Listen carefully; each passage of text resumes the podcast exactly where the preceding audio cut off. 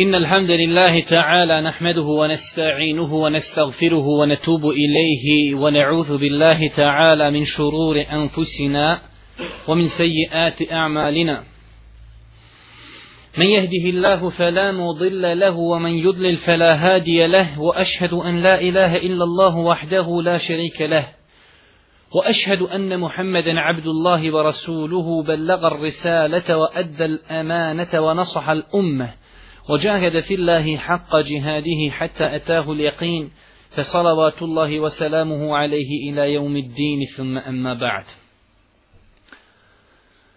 Hrvatsko moja draga, kao što znate, mi smo ove godine odlučili da u periodu zime komentarišemo poznato dijelo imama Nevevija, 40 hadisa, poznatih kao 40 hadisa imama Nevevija. Do sada smo imali pet predavanja. U prva tri predavanja komentarisali smo hadis, zaista se dijela vrednuju prema namjerama. U četvrtom i petom predavanju komentarisali smo hadis Džibrila, kojeg je zabilježima Muslim, također Buharija i Muslim, od Ebu Hureyri. I došli smo do dijela u kojem je Džibril alaihi salatu wasalam upitao Allahu poslanika alaihi salatu wasalam o imanu. Nećemo ponavljati hadis, zato što je hadis ako Bog da svima poznat i u prva dva predavanja, na početku predavanja smo spomenuli kompletan hadis. Zadnje što smo spomenuli jeste činjenica da Džibril alaihi salatu wasalam kada je pitao Allahu poslanika šta je to islam, Pa mu Allah poslanik odgovorio, nakon toga ga pitao šta je to iman. Na osnovu toga islamski učenjaci su kazali da postoji razlika između islama i imana. Između ta dva termina. Odnosno, ako ta dva termina budu korištena na jednom mjestu, tada svaki ima posebno značenje. Islam tada se odnosi na stvari koje su vanština. Namaz, zekijat, post, hađ, izgovaranje šehadeta. Izgovaranje šehadeta dok ako iman zajedno bude sa islamom spomenut, tada se on odnosi na stvari koje se vezuju za ubjeđenje, ono što nije vidljivo. Ali smo isto tako kazali, ova dva termina, ako budu korišteni zasebno, samo neko spomeni riječ iman ili riječ islam, tada taj pojam obuhvata i iman i islam. Večeras, treba da znate, znači u ovim prethodnim predavanjima uvijek je tu bilo nešto, hajde da kažemo malo rakajka, malo, znači ne, neki stvari koje bi čovjeka malo onaj, hajde da reknemo, u odgojnom tom nekom karakteru malo ojačale. Večerašnje predavanje, ako Bog da je, nadam se, kompletno edukativnog karaktera. Ali, braćo moja draga, treba da se učimo i da se viknemo da slušamo predavanja edukativnog karaktera. Jer to je ono što čovjeku treba i to je ono što će čovjeka sutra u vremenu smutnije i fitnije čuvati. Ne znanje kao znanje, već čovjek će na osnovu znanja znati kako da se ponaša. Dok ona predavanja, sabur, bogobojaznost, takvaluk i ovo koga meleci blagosoljivaju, koga ne blagosiljaju, to su predavanja odgojnog karaktera koja sekundarno čovjeka malo napumpaju iman i gotovo. Ali ova predavanja, to su predavanja naučnog karaktera. Mi nismo imali mnogo prilika da slušamo takva predavanja i nekada nam je to malo i dosadno. Ali je to, braću moja draga, znanje. I to je ono što svima nama treba.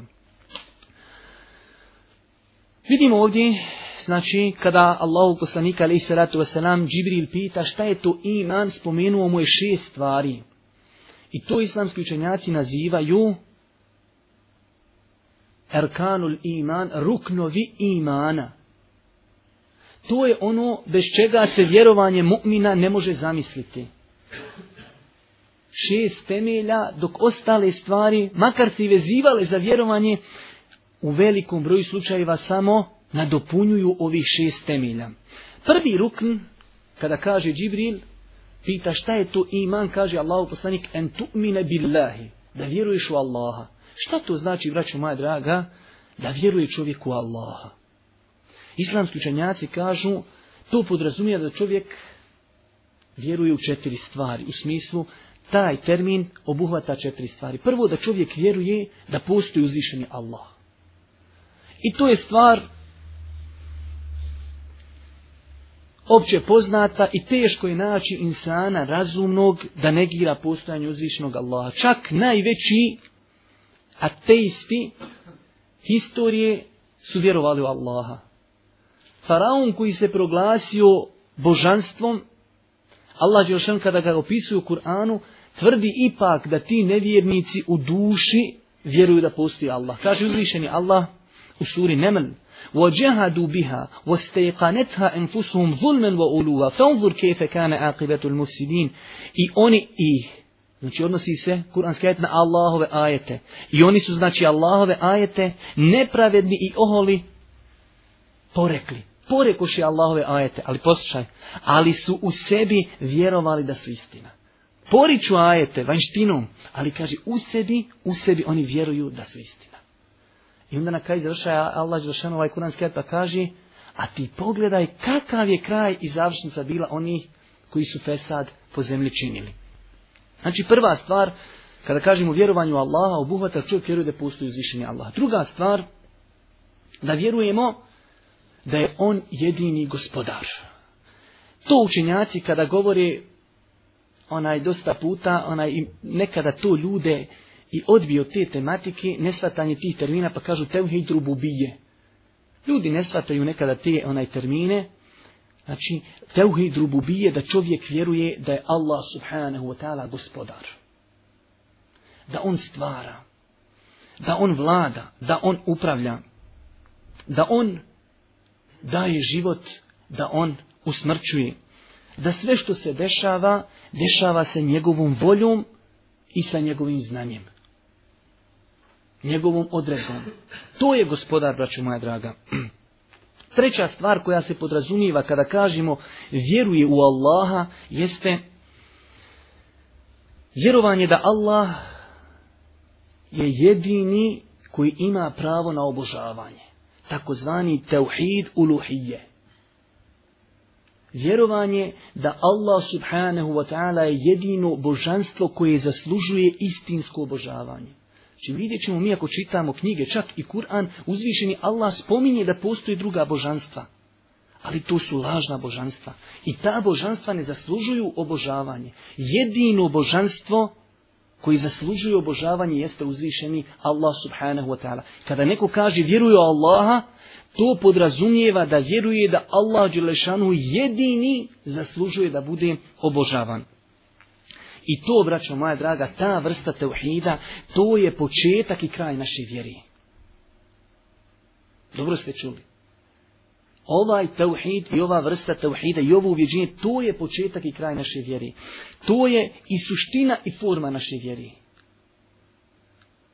Vjerovanje da Allah Đelešanu jedini zaslužuje da bude obožavan. Po ovoj vrsti teuhida ovdje se razlikuju vjernici od nevjernika ne po onoj malo prije, da čovjek vjeruje ko je gospodar. Jer vidjet ćete na kraj predavanja, ako dođemo do, do toga, kuranski ajeti gdje Allah Đelšanu kaže, kada ih upitate ko vas je stvorio, mušlike meki, kaže, reći će Allah. Znači, oni znaju da ima Allah i vjeruju u gospodara, ali nisu smatrali da da on jedini zaslužuje da bude obožavan. I to je vrsta tevhida po kojoj se razlikuju vjernici od nevjernika. Zbog ove vrste tauhida su slati poslanici i objavljivane knjige. I to je suština poziva svakog poslanika. Suština poziva svakog poslanika jeste da pojasni da je uzvišeni Allah jedini taj koji zaslužuje da bude obožavan. Kaže uzvišeni Allah subhanahu wa ta'ala وَلَقَدْ بَعَثْنَا فِي كُلِّ أُمَّةٍ رَسُولًا أَنْ يَعْبُدُوا اللَّهَ وَاجْتَنِبُوا الطَّاغُوتَ Mi smo svakom narodu poslali poslanika. Pazite, mi smo svakom narodu poslali poslanika koji je znači govorio Allahu se klanjajte, tagute ostavite. Svakom narodu, svaki poslanik je to govorio. Allahu, samo Allahu se klanjajte. To je suština naše vjere. U drugom ajetu kaže: "Wa ma arsalna min qablika min rasulin illa nuhi ilayhi annahu la ilaha illa illa ana fa'budun." Prije tebe ni jednog poslanika nismo poslali, a da mu nismo objavili, nema Boga osim mene, zato se meni klanjajte. Znači, svi poslanici su pozivali u istu stvar, a to je da uzvišeni Allah subhanu wa ta'ala jedini zaslužuje da bude obožavan. Privatanje Allaha Đerlešanuhu kao jedinog istinskog božanstva koje zaslužuje da bude obožavano, braćo moja draga, podrazumijeva nekoliko stvari. Mnogo stvari, ali zbog skućnosti vremena mi smo kazali ovaj hadis Džibrila. Ako bi htjeli da ga temeljito obrađujemo i komentarišemo, vjerujte da bi nam trebalo nekoliko godina da završimo sa komentarom ovog hadisa. Samo ova tematika, teuhid, trebalo bi nam mnogo vremena da govorimo o tome. Ali kada kažemo, ovaj, vjerujemo da Allah Đelešanu zaslužuje jedini da bude obožavan, to podrazumije vas sljedeći. Obaveznost iskrene ljubavi prema Allahu i to toliko da niko nije na nivou niti više da se voli od Allaha subhanahu wa ta'ala. Znači, ne može neko da se voli kao Allah, niti više od Allaha. I kada bi čovjek tako učinio, šta? Počinio bi širka. Znači, prva stvar u obožavanju, rob, insan, treba da voli gospodara više od bilo čega. Poslušajte ovaj ajet koji zasigurno nosi u sebi mnoge kako akidske propise, tako isto, braću moja draga, i odgojne propise. Kaže uzvišenje Allah u suri Teuba, قل إن كان آباؤكم وأبناؤكم وإخوانكم وأزواجكم وعشيرتكم وأموال اقترفتموها وتجارة تخشون كسادها ومساكن ترضونها أحب إليكم من الله ورسوله وجهاد في سبيله فتربصوا حتى يأتي الله بأمره والله لا يهدي القوم الفاسقين Pazite ovaj ajet. Kaže uzvišeni Allah obraćajući se poslaniku. Reci, ako su vam očevi vaši, i sinovi vaši, i braća vaša, i žene vaše, i rod vaš, i imanja vaša koja ste stekli, i trgovačka roba za koju strahujete da li prođe će imati, i kuće u kojima se prijatno osjećate, ako su vam mili od Allaha i njegovog poslanika i borbe na Allahom putu, onda pričekajte dok Allah svoju odluku donese. Ako su vam spomenute stvari više drage od Allaha i njegovog poslanika i borbe na Allahom putu, sačekajte, sačekajte dok Allah donese svoju presudu i odluku. A Allah griješnicima neće ukazati na pravi put. Znači, prva stvar vjernik treba da voli gospodara više od bilo čega drugog. Također, obaveznost izdvajanja Allaha u dovi, osloncu na Allaha, nadi, ali u stvarima u koji ne može niko učiniti osim Allah. Či znači, nema smijete, čovjek kaže čovjeku daj mi Marku ili daj mi ovo, daj mi ono što čovjek može. Ali Allaha moramo znači jedino tražiti od njega stvari koje samo on uzvišeni Allah može. Wa ala Allahi fatawakkalu in kuntum mu'minin. Ana Allah se oslonite samo na njega ako ste pravi mu'mini. I zadnja stvar u ovom kontekstu moramo, braću moja draga, obaveznost izdvajanja Allaha u svim vrstama tjelesnog ibadeta. Sve tjelesne ibadete čovjek, znači nakon što smo spomenuli te neke unutarnje srčane ibadete, dova, strah, nada, ljubav, i sve tjelesne ibadete čovjek mora samo da čini uzvišenom Allahu subhanahu wa ta'ala. Svima nama je poznat kuranski ajet u suri An-Nisa. Inna Allahe la jagfiru an yushraka bihi wa jagfiru ma dune zalike li men ješa. Allah neće oprostiti da mu se sudrug pripiše, a ono što je manje od toga, onaj oprostit će kome hoće. I četvrta stvar, znači, do sad smo spomenuli, kada kaže neko vjeruju Allaha, da to podrazumiva tri stvari do sad da vjeruje da postoji, da vjeruje da on gospodar i da vjeruje da uzvišenje Allah subhanu wa ta'ala zaslužuje da bude obožavan. Jedino on. I četvrta stvar, takozvani tevhid esma u sifat, da vjerujemo u Allahova imena i svojstva, onako kako su spomenuta u Kur'anu, vjerodostojnom sunnetu Allahu poslanika alaihi salatu wasalam. Vi znate da smo mi još prije dvije godine ovdje, kada smo komentarisali tahavijsku akidu, odnosno vasitijsku akidu. Govorili smo malo opširno o ovom poglavlju, mnogo toga se zaboravilo, ali sam ubijeđen da one generalne stvari, da su oko Bog da ostale. Znači, mi moramo vjerovati u Allahova svojstva i imena bez krivog tumačenja. Također, bez poricanja, bez određivanja kakvoći i poređenja sa stvorenjima.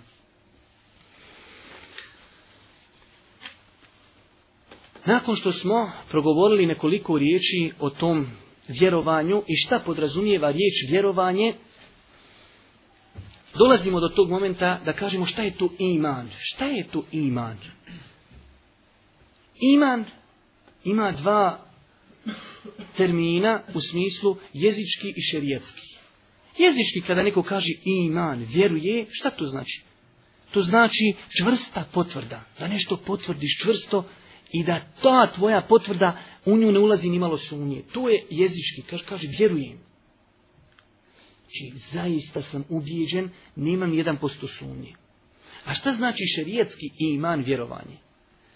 Šerijetski termin iman se odnosi na riječi na jeziku, ubjeđenje u srcu i rad tijelom ekstremitetima, smanjuje se griješenjem povećaje se pokornošću.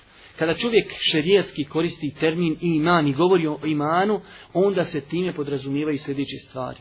Riječi na jeziku, uvjeđenje u srcu i dijela tijela ili ekstremiteta povećaje se sa pokornošću i smanjuje se sa grijesima.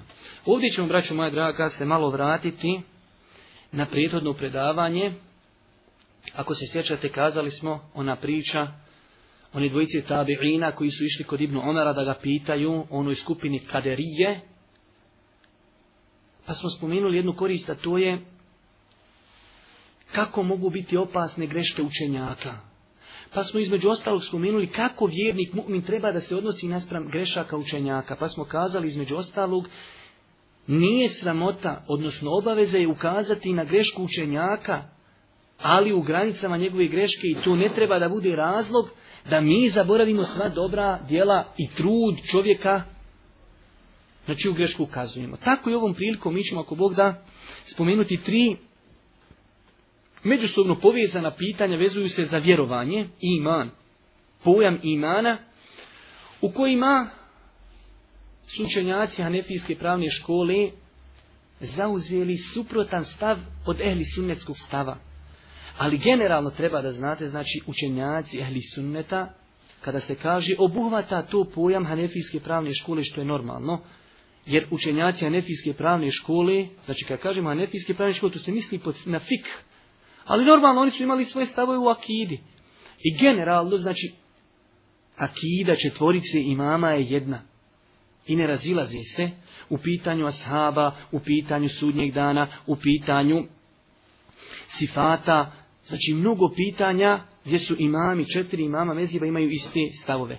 Osim u ovim pitanjima, imam Ebu Hanife, rahmetullahi alihi, je zauzeo drugi stav od stava koji su zauzeli prve generacije.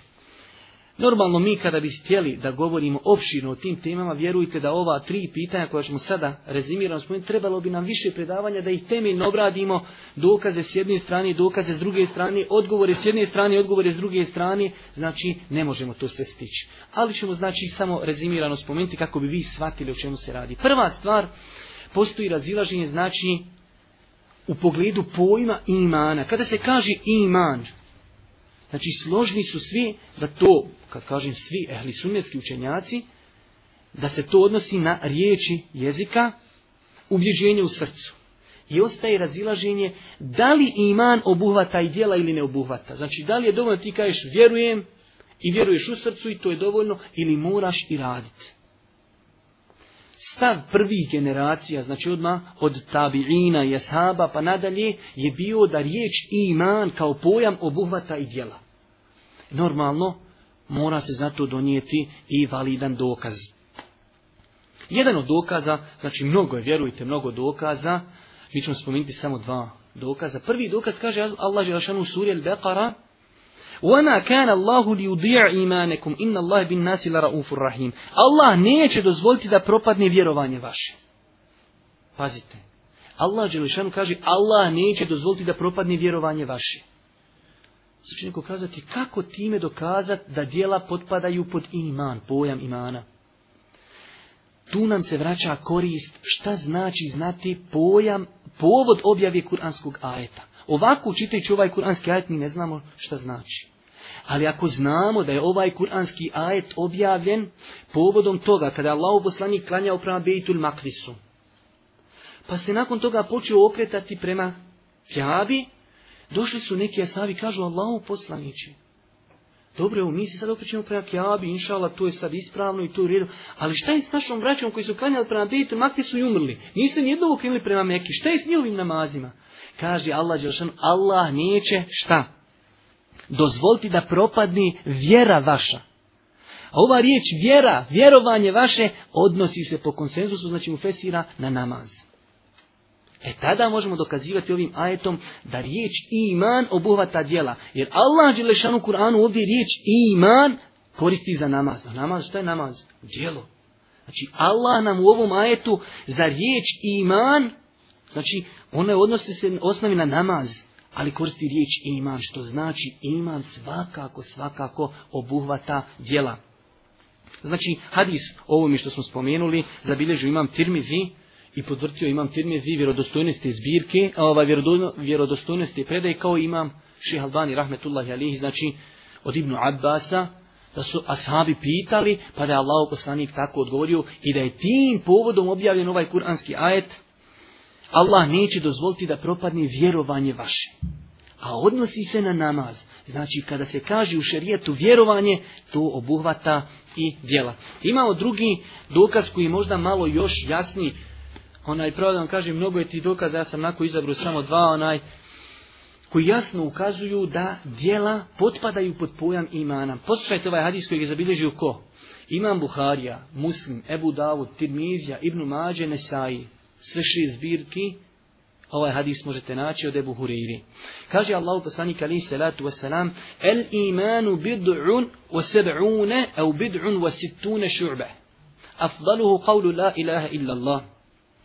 Kaže, iman se sastoji od nekoliko, 70 i nekoliko, a u rivajetu od, 70, od 60 i nekoliko ogranaka. To su riječi Allahog poslanika. I pogledajte sad primjer. Navodi nam tri primjera i baš za svaku ovu, za riječi, za dijela i za ubjeđenja. Pa kaže Allahog poslanik, najveći stepen i najbolji ogranak je da izgovoriš la ilaha illallah. Znači izgovor. Kaže, najniži je stepen da skloniš belaj neki s puta. Šta je to? Dijelo. Znači, imali smo prije toga jezik, sklonjanje kamena s puta ili neke druge prepreke je dijelo. I kaže, iman, a stid je dio imana. Šta je stid? Je li stid dijelo? Nije. Je li stid riječ? Nije. Šta? Srce. Pogledajte, Allahog poslanika navodi primjer tri stvari i baš u te tri stvari je obuhvatio definiciju imana, da iman je sastavljen od dijela, od ubjeđenja i govora. To su oko Bog da dokazi koji ukazuju na to da kada se u šerijatu kaže iman, da to obuhvata tri stvari. Riječi na jeziku, ubjeđenje u srcu i dijela naših ekstremiteta. Mnogo je učenjaka prvih generacija koji su to potvrdili sam, znači imam Buharija, sjećate svi kad smo držali predavanje imam Buhari, da on imao nekih problema u pogledu akide, da je bio potvoren, da je kazao da je Kur'an stvoren. I znači ših imam Buharija, rahmetullahi alihi, je bio veliki učenjak u akidi također. I on kaže, poslušajte njegovu izjavu koja je zabeležena, znači, vjerodostojnim lancem prenosilaca, sreo sam više od hiljadu učenjaka u različitim mjestima, emsar, Imam Buharija, sjećate se kada smo govorili o njemu, obišao je cijeli islamski svijet i zapisao je, kao što kaže hadise, od 1080 šehova. Ovdje kaže, sreo sam više od, os, od hiljadu ljudi, učenjaka, po različitim predjelima i gradovima. I kaže, nisam vidio da postoji neko od njih ko se ne, šla, ne slaže sa činjenicom da je iman riječi i dijela povećaje se i smanjuje. Riječi i dijela. Prve generacije su imali takav, takvu terminologiju kada kažu iman je riječ i dijelo, onda su podrazumijevali ove tri stvari, znači riječi na jeziku, dijelo i ubjeđenje u srcu. Znači to je bila terminologija kod prvih generacija da su tako govorili.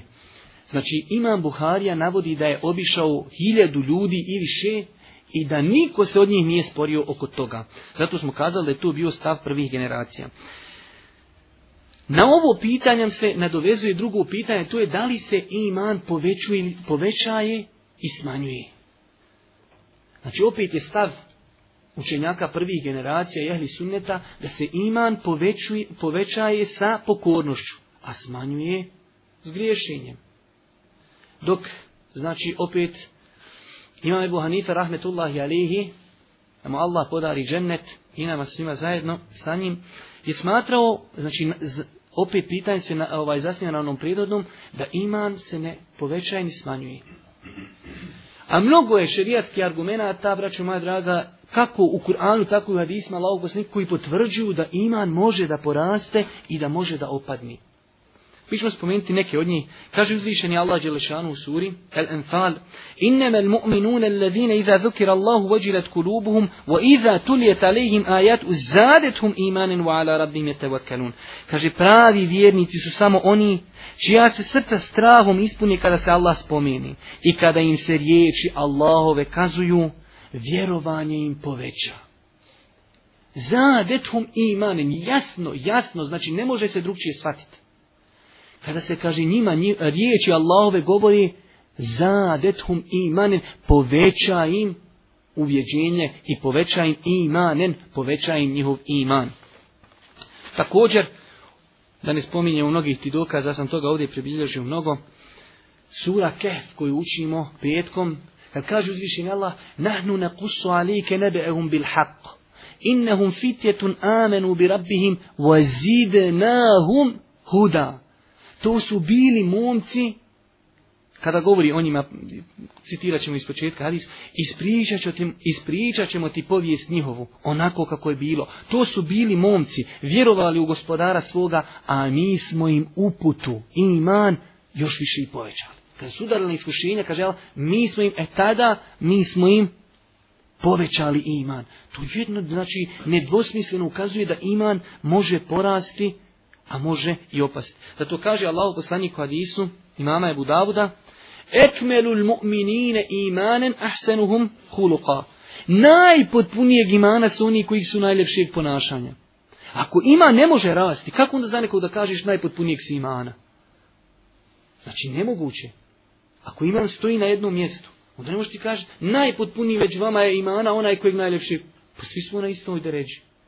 Ali ne, to je dokaz da iman može da bude potpun, da bude napola, da bude u petama i tako dalje. Ovdje je interesantno spomenuti, i to je ono što smo na početku, što sam ja malo onoga uvoda spomenuo, vratio se na predavanje, poštovanje u Lemi. Ovo sa što mi govorimo, Allah mi je svjedok i vi to treba da znate. Ovo ni u kom slučaju ne znači umalovažavanje imama i bohanife. Mi kada bi od sad pa do naše smrti tražili nauku, mi ne možemo doći do članaka imamo i bohanife do članaka. Ali je naše da spomenemo ono što je rekla Ulema određenom pitanju i da poštujemo učenjake u onim pitanjima gdje se razišli. I e zato pogledajte sada kako su to shvatali prve generacije. Muftija Hanefijskog mezheba u Bagdadu, zamislite, pa to nije znači u nekom selu u Bagdadu. Imam Alusi, poznat znači mu Fesir Kur'ana, pogledajte šta on kaže za ovo pitanje. Znači, hanefijski mezheb i daje fetu po hanefijskom mezhebu. I to gdje? U Bagdadu. Muftija Bagdada po hanefijskom mezhebu imam Alus i kaže. Znači, on je bio poznat da se nije slagao u ovom pitanju sa imamove Buhanifom, da iman ne porasta i da se ne smanjuje. Pa on kaže, ne smeta uopšte da ja u nekim pitanjima ne slijedim mišljenje mama Ebu Hanife. Zbog dokaza koji su skoro neprebrojivi. Zbog čuj slijedi dokaz. Odnosno on slijedi mama Ebu Hanife. Imam Ebu Hanife rekao isto, kada načite da se moje mišljenje razlikuje od sunneta, ostavite moje mišljenje. I on je to tako isvatio. Pa kaže, zbog dokaza koji su skoro neprebrojivi, istina je preča da bude slijedjena. Slijepo slijedjenje u ovom pitanju je običaj ljudi iz masi.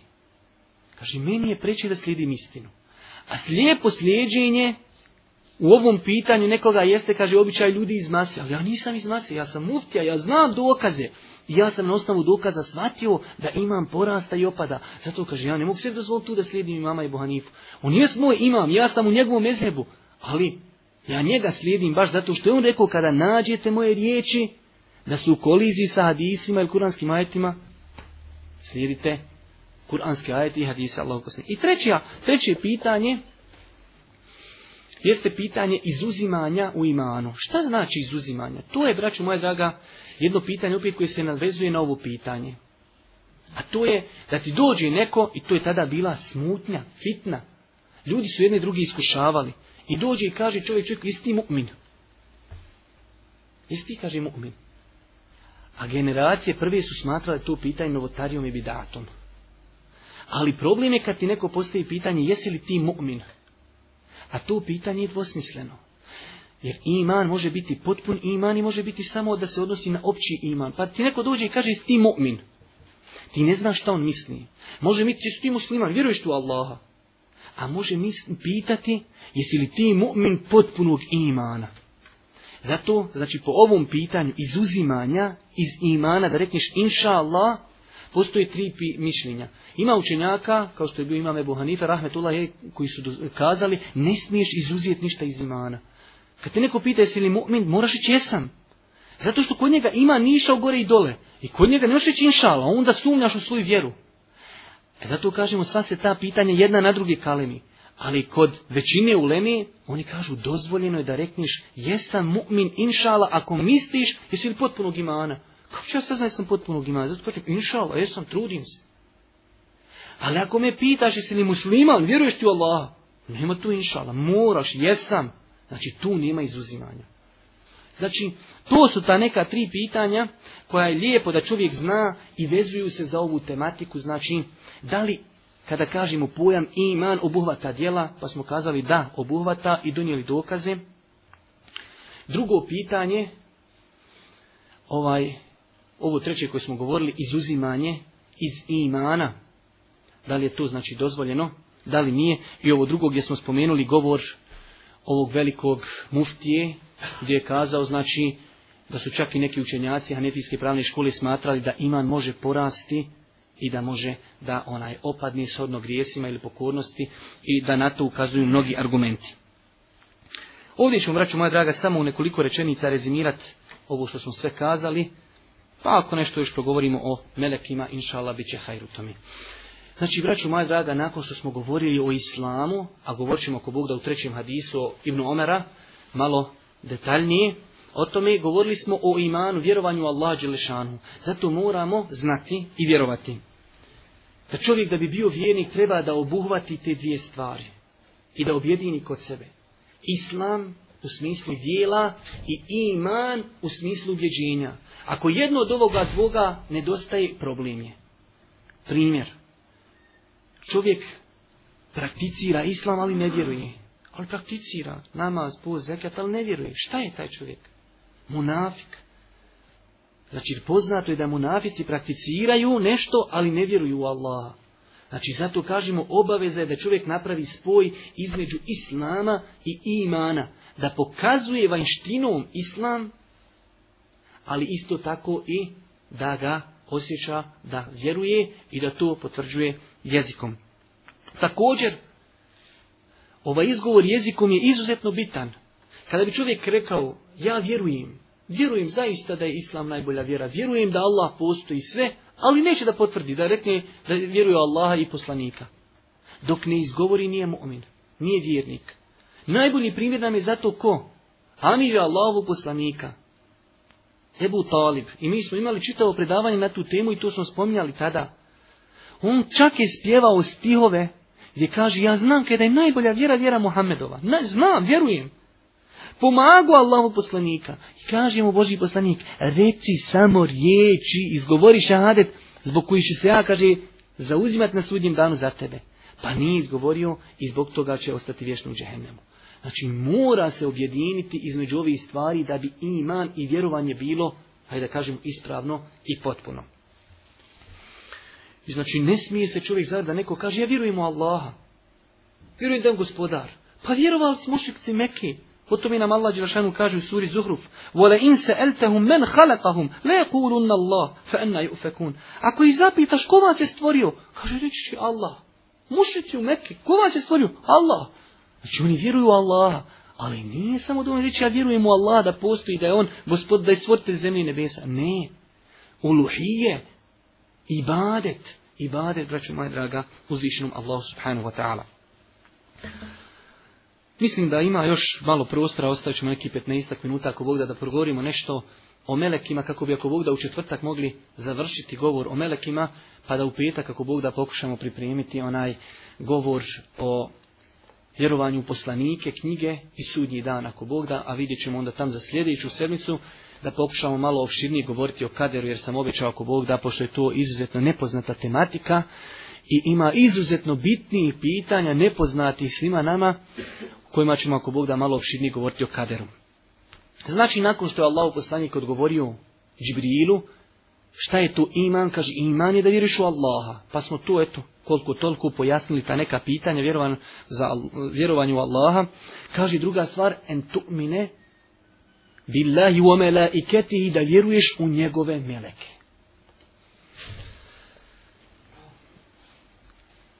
Vjerovanje, braćo moja draga, u Meleke je sastavni dio imana, kao što ga je spomenuo Allahov poslanik. I vjerovanje čovjekovo neće biti potpuno i neispravno je ako ne vjeruje, ne vjeruje u Meleke.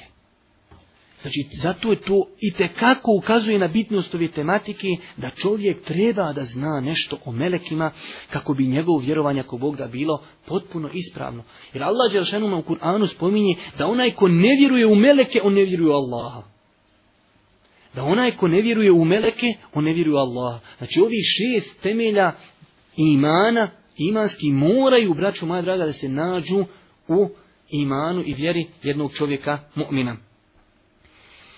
Također interesantno je spomenuti, mi većinom poznajemo nešto oko te tematike, ali vjerujte da je to toliko opšivna tematika da ljudi pišu studije, knjige na dvije, tri stotine stranica o kojima samo govori o melekima.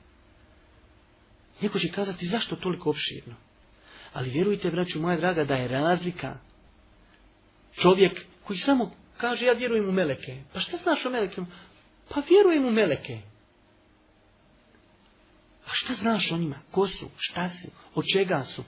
Šta radi? Koliko ih je? Kakvi su? Što više čovjek zna, njegovo vjerovanje je jači, čvršći, potpuniji. Njegovo obožavanje Allaha će biti potpunije. Jer kada ti znaš broj melika, kada znaš veličinu melika, kada znaš, kao što stoji tamo u nekim rivajetima, da je Džibril alaihi salatu wasalam svojim krilom podigao lutov narod do nebesa, pa ga pustio da padne na zemlju. Ti znaš koja je to snaga, da ti meliki kraj tebe stoji, da te čuvaju, da pišu tvoja djela. Jer isto, jer isto vjerovanje osobe koja neprestano ima na umu da je kod njega melek i piše sve što on uradi i čovjek koji kaže ba ja vjerujem u meleke vjerujem ja tamo nešto ima i neki meleki nije braću moja draga zato je potrebno i mi ne možemo opširno o tome govoriti jer kazao sam znači trebalo bi nam mnogo vremena zato ćemo spominuti neke bitne stvari ali što više čovjek zna to je bolje zato kaže uzvišeni Allah u suri Tauba وَإِذَا مَا أُنْزِلَتْ سُورَةٌ فَمِنْهُمْ مَنْ يَقُولُ أَيُّكُمْ زَادَتْ هَذِي إِيمَانًا فَأَمَّا الَّذِينَ آمَنُوا فَزَادَتْهُمْ إِمَانًا وَهُمْ يَسْتَبْشِرُونَ A kada bude objavljena neka sura, ima onih koji govori, kome od vas je ovo povećalo vjerovanje? A što se tiče vjernika, njima je povećalo vjerovanje. Objavljena sura, pa neki dođu i kažu, kome je to povećalo? Znači, kada se objavi nova sura, to su novi podaci, nove informacije, to jačava... Kome je to djelovalo? Kaže, a vjernicima, njima to ojača iman. Vjerniku svaka nova spoznaja, svako novo čitanje, svako novo druženje ojačava vjerovanje i iman.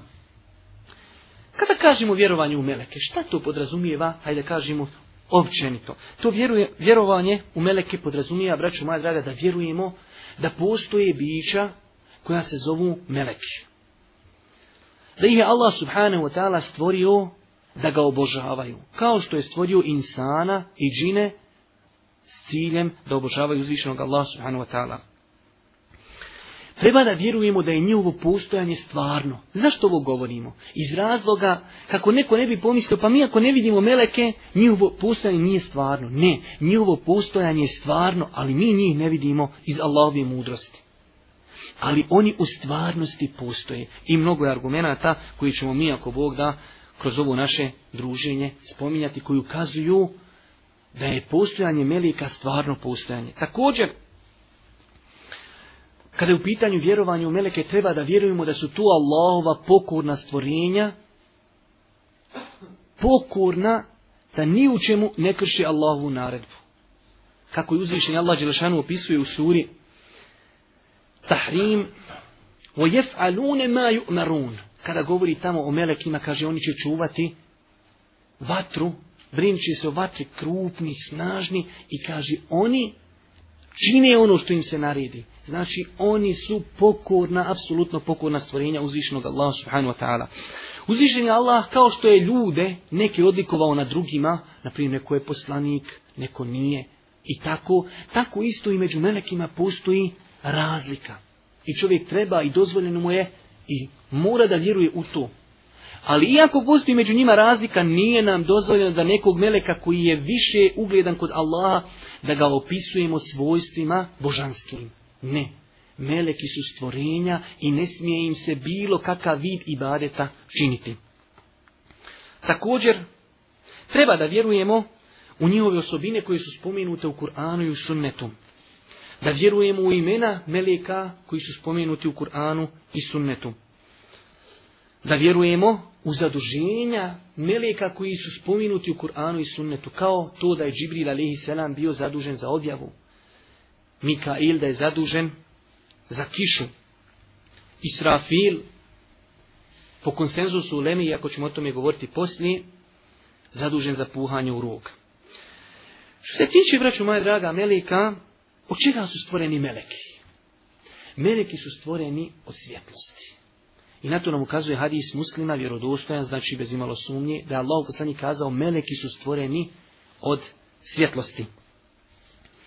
Ali pored toga, pored toga to su bića koja imaju svoja tijela. Kaže uzvišeni Allah u suri Fatir, prvi ajet, da ne citiramo na arapskom kako bi imali više vremena,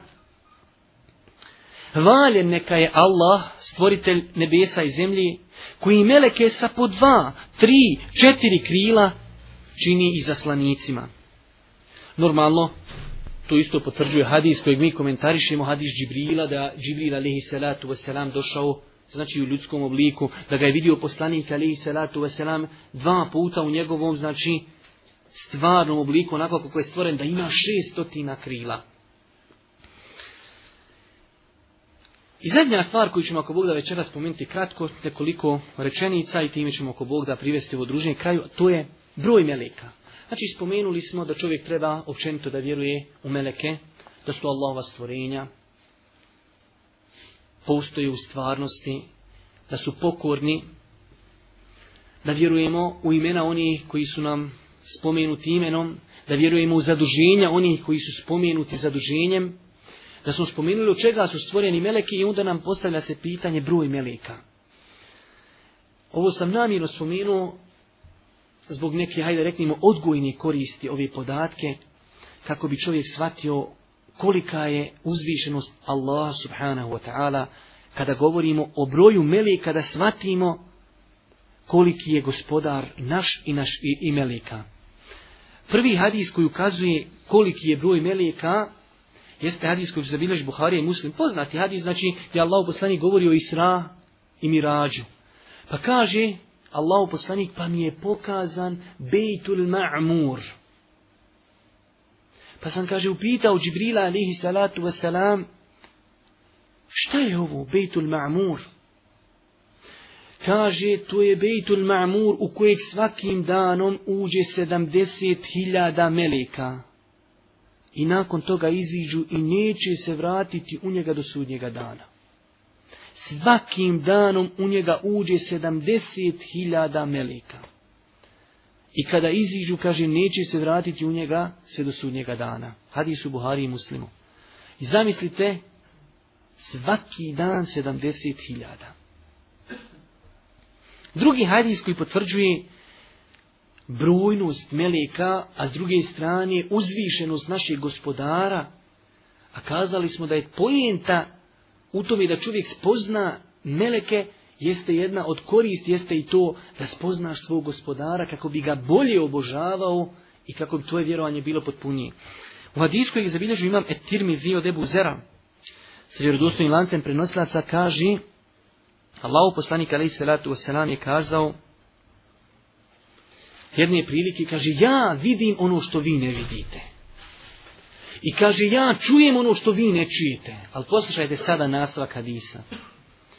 Kaže zastenjalo, zaječilo je nebo. Ječe nebesa. Ali Allah poslanik čuje. Kaže ja čujem ono što vi ne čujete. Ja vidim ono što vi ne vidite. Kaže nebo ječi, stenji. Bukvalan prijevod stenji. A kaže, ima i pravo da stenje i da ječi, jer kaže, ne postoji na nebesima prostor koliko četiri prsta, a da na njemu nema melek koji čini seđdu ili na ruku ili na seđde. Znači, da obožava Allaha. Zamislite, nebo ječi od težine, znači od tereta, a toliko je meleka da kaže postoji prostor koliko je četiri prsta, a u rivajetu koliko je pedalj, a da tu ne postoji melek da je na seždi da obožava Allaha subhanahu wa ta'ala. I poslušajte kraj hadisa. To je još interesantnije. Kaže Allah poslanik alaihi salatu wasalam,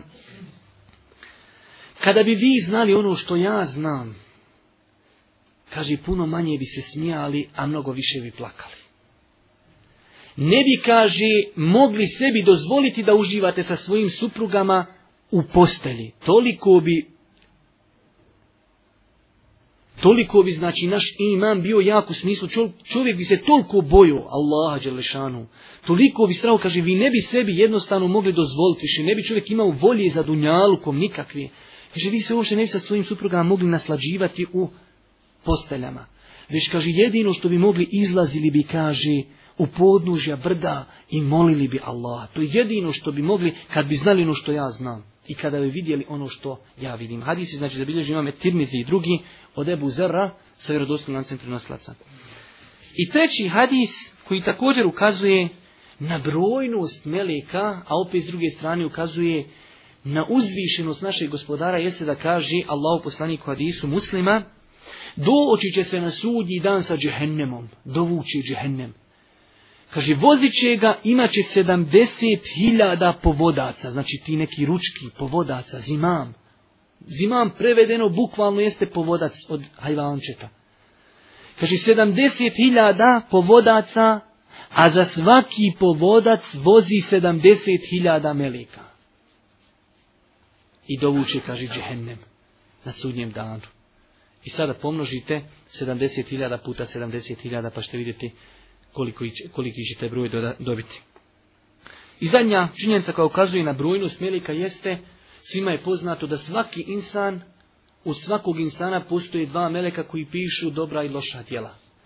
Či znači, sada koliko ljudi na zemaljskoj kugli ima, pa onda puta dva.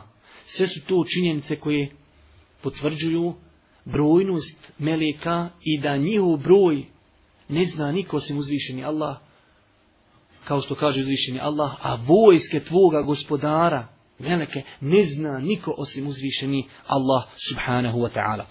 Ako Bog da ovdje ćemo se zaustaviti, u četvrtak ćemo ako Bog da nastaviti i nadam se da ćemo do kraja predavanja u četvrtak završiti govor o melekima, a već u petak ako Bog da, inša Allah, ćemo nastaviti sa ostalim temeljima imana, ako Bog da, inša Allah. Molim Allah, Đelšanu, da ono što smo čuli bude dokazom za nas, a ne protiv nas da nas učusti u in teškim vremenima, da nam bude milosti na sudnjem danu i na kraju subhaneke Allahumma da bihamdike šedun la ilaha ila in te stavfiruke wa etubu ilaika.